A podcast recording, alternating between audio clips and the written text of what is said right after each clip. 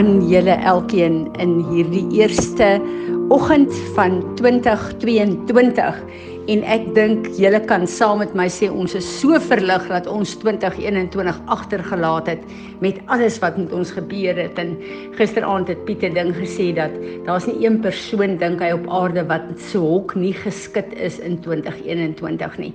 Dit was 'n moeilike moeilike jaar, 'n baie emosionele jaar vir baie van ons gewees, maar ook 'n jaar waar ons kon sien hoe getrou ons God is om uh, maak nie saak waar ek en jy moet deurgaan nie. Hy is altyd by ons. Hy het ons nooit verlaat nie. Hy het ons nooit begewe nie. Hy was daar vir ons met alles wat ons nodig gehad het. En uh, ek weet dat 2021 stap ons 'n uh, 22 stap ons met vrymoedigheid in.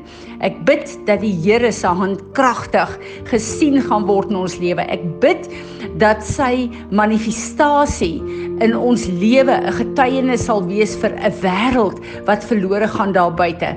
En ek bid dat ons al meer en meer sal verstaan wie hy vir ons is en wie hy vir ons wil wees en dat ons hom sal eer en gehoorsaam en aanbid ehm um, vir die God wat hy is en nie wat ons dink of mense sê hy is nie. Ek bid vir daai openbaring van wie is hy vir jou in 2022 en dat dit meer en meer in jou lewe sal land en jou lewe sal ver, uh, verander tot sy eer. Ek het gisteraand 'n bietjie gegaan oor die profetiese betekenis van 2022 en uh die goed wat vir my baie uitstaal wat staan wat uh, aan my gees raak is build and rebuild the house. Uh, ek dink ons in Peres het ook regtig ware ervaring daarvan gehad to draw boundaries to awaken to arise. Hierdie is ook die jaar waar die stem van God gehoor en gesien sal word. So dis die jaar om terug te keer na die woord toe en dis die jaar van buitengewone dinge vir deure om oop te gaan maar ook toe te gaan in sy perfekte wil. En dan is dit die jaar wat ons die Daniël en die Josef salwing sal sien uh op hierdie aarde en die Dan Daniël sal, salwing is my so wonderlik om te weet dat te midde van regerings van korrupsie en witchcraft het Daniël die woord van God as 'n oop deur gehou. So ek dink ons gaan dit meer en meer sien nie net in Suid-Afrika nie, maar ook in die wêreld en dat hierdie is die tyd wat ons soos Josef bymekaar moet maak want ons almal weet dat daar op aarde 'n hongersnood ehm um, uh beplan word en hierdie is die tyd wat ek en jy met God se wysheid moet begin bymekaar maak. Hierdie is ook die tyd Jesaja 22 vers 22 uh staan uit die sleutel van die uh, van die koninkryk uh, van Dawid wat God vir ons gegee het. Ons het hierdie jaar wat verby is baie daaroor geleer en ook besluit om dit op te neem. En dan het uh, Andrei vir my so wonderlike ding gegee, uh letterlik Psalm 22. Um uh, wat die kruisiging is, maar ook Genesis 22 wat die offer van Isak is. Ek glo in hierdie jaar gaan die keuses wat ek en jy maak, 'n uh, 'n offer wees vir God. Daar gaan plekke in ons lewe wees wat ons letterlik sal moet sacrifice. Maar ons kan dit doen want Jesus was die volmaakte offer op Golgotha. En groot was my verstomming en opgewondenheid toe Tanya gisteraand 'n uh, uh, Openbaring 22 bring en dit skakel toe perfek in met die rivier van lewe wat vloei uit God se troon uit. En wat dit beteken, ehm um, uh, dit beteken letterlik dat ons vrugbaar gaan wees, dat hierdie 'n uh, rivier van lewe waarin ons verbind is, uh, wat Psalm 1 sê waar ons geplant is deur Jesus Christus dat ons hierdie uh, water gaan sien en uh, en ervaar in 'n wêreld wat uh, wat droog is, wat barren is, wat dors is vir die woord van God. En uh, gisteraand het ek gedeel met die skrif wat Karika gegee het in Johannes 4 waar die Here vir ons uh, sê kom na my toe. As jy van hierdie water drink sal jy nooit weer dors word nie.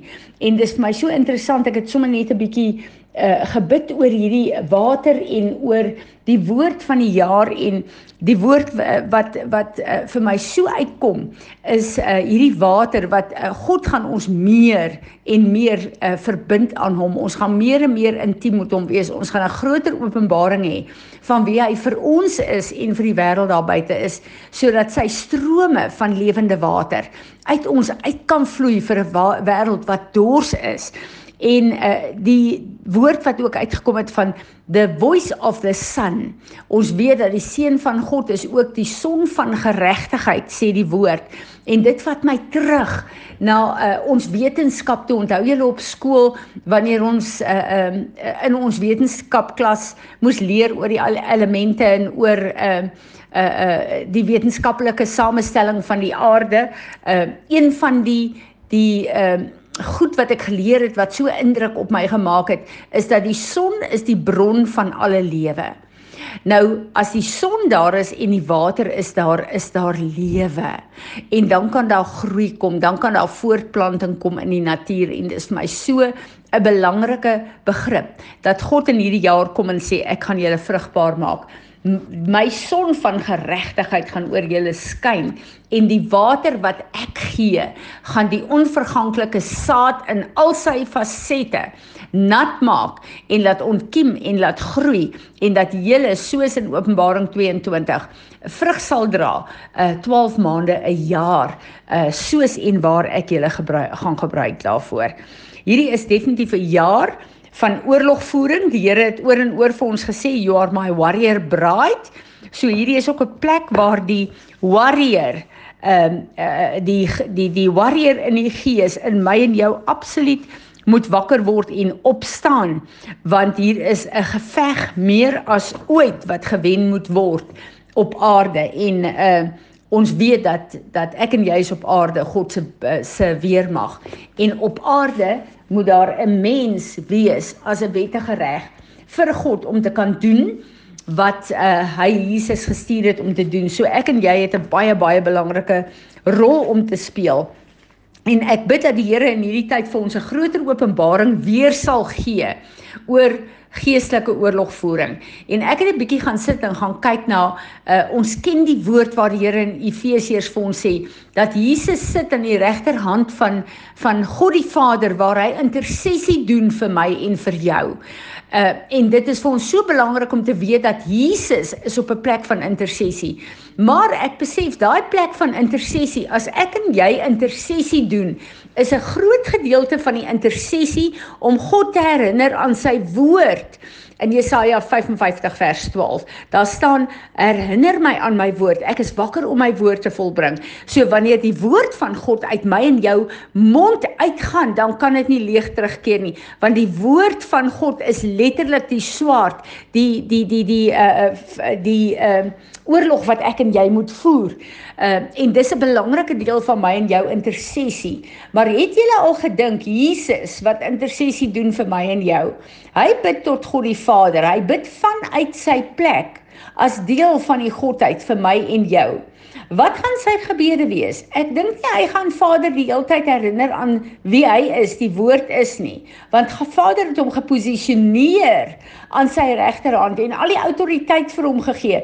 Dit wil sê die woord het in vervulling gekom in die woord wat sit aan die regterhand van God die Vader.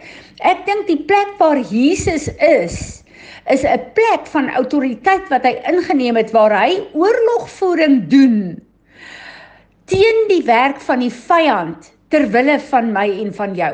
So ek dink sy posisie aan die regterhand van God, sy plek van oor eh, van van 'n uh, eh, intersessie is letterlik 'n plek van oorlogvoering waar hy die werk van die vyand afbreek sodat ek en jy kan opstaan in die autoriteit wat hy vir ons gekry het. Ek bid dat die Here in hierdie jaar vir ons 'n openbaring sal gee en dat ek en jy saam met Jesus Christus as sy aardse ehm 'n uh, weermag kan beweeg sodat die die Jesus wat the captain of the heavenly host is sodat hy kan inkom en ons saam met die uh, die weermag in die gees kan beweeg en die grondgebied wat die vyand gevat het en wat ons die vyand gegee het sal terugneem in sy krag en sy autoriteit.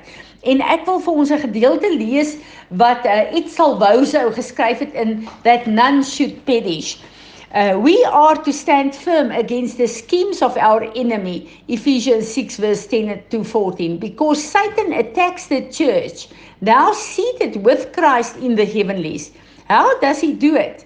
To answer this question, we must understand that this picture of the church in the heavenlies are uh, there are two constant and one uh, variable. Uh, the first constant is Jesus' position and authority over Satan and his demons. They are under his feet. He is far above them. And every name of this age and of the age to come, this can never change.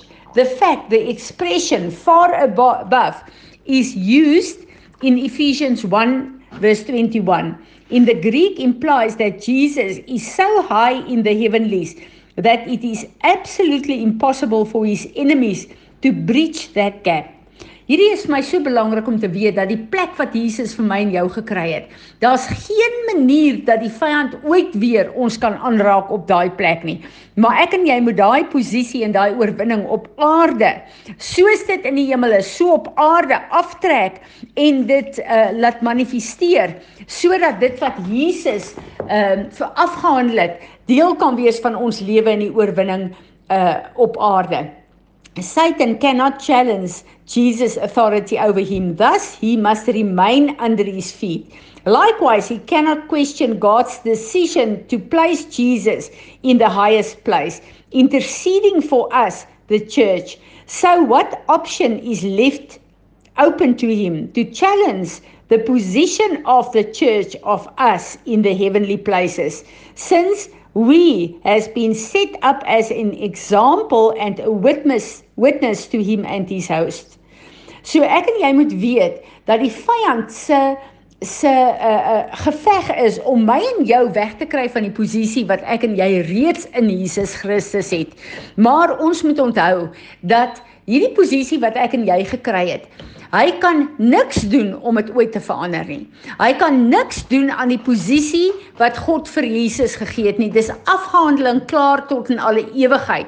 En ek en jy is ook in daardie posisie. So ek bid vir jou en vir my dat in hierdie jaar ons hierdie revelation sal vat nie net as kennis van ons verstand nie, maar dat ons dit sal begin bid vir ons en ons gesinne, vir ons gemeentes, vir hierdie land en vir die nasies van die wêreld en laat ons in hierdie seisoen wat oopgaan, die oorwinning van Jesus Christus sal sien in ons elke dag se lewe, sodat hy die Engelse sê that he will receive the reward of his suffering. So kom ons stap 20 22 in met die wete dat die vyand in sy werke is onder ons voete. En elke keer wat hy sy kop wil oplig om ons aan die hak te byt sal ons sy kop vermorsel want Jesus het hom onder ons voete kom plaas. So ek bid dat ons die oorwinning sal manifesteer as die warrior bride van Jesus Christus hier op aarde in hierdie jaar en laat 2022 geken sal word as 'n jaar van deurbrake en ongelooflike manifestasies van bonatuurlike tekens van die krag en die oorwinning van Jesus Christus ons Heer en ons Meester. Vader, ons kom posisioneer ons in hierdie hekke vanoggend van 2022 en gisteraand vroeg vanoggend het ons verklaar dat tyd is in U hande. 2022 is in U hande en elke maand van hierdie Gregorian jaar soos wat ons dit aangespreek het. Elke uh, program, elke altaar, elke offer wat gebring is, buig julle knie Filippense 2 vers 9 en 10 sê en erken dat Jesus Christus die enigste autoriteit is. Ons staan in die autoriteit in die mag en die krag en die oorwinning van Jesus Christus, ons Heer en ons Meester en ons stap hierdie jaar in en ons verklaar dat elke tree wat ons gee, neem ons grondgebied in vir ons God volgens Josua 1 vers 3.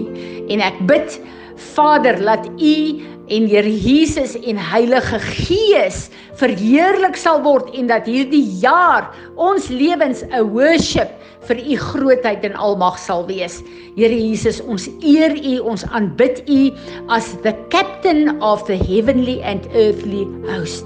Amen.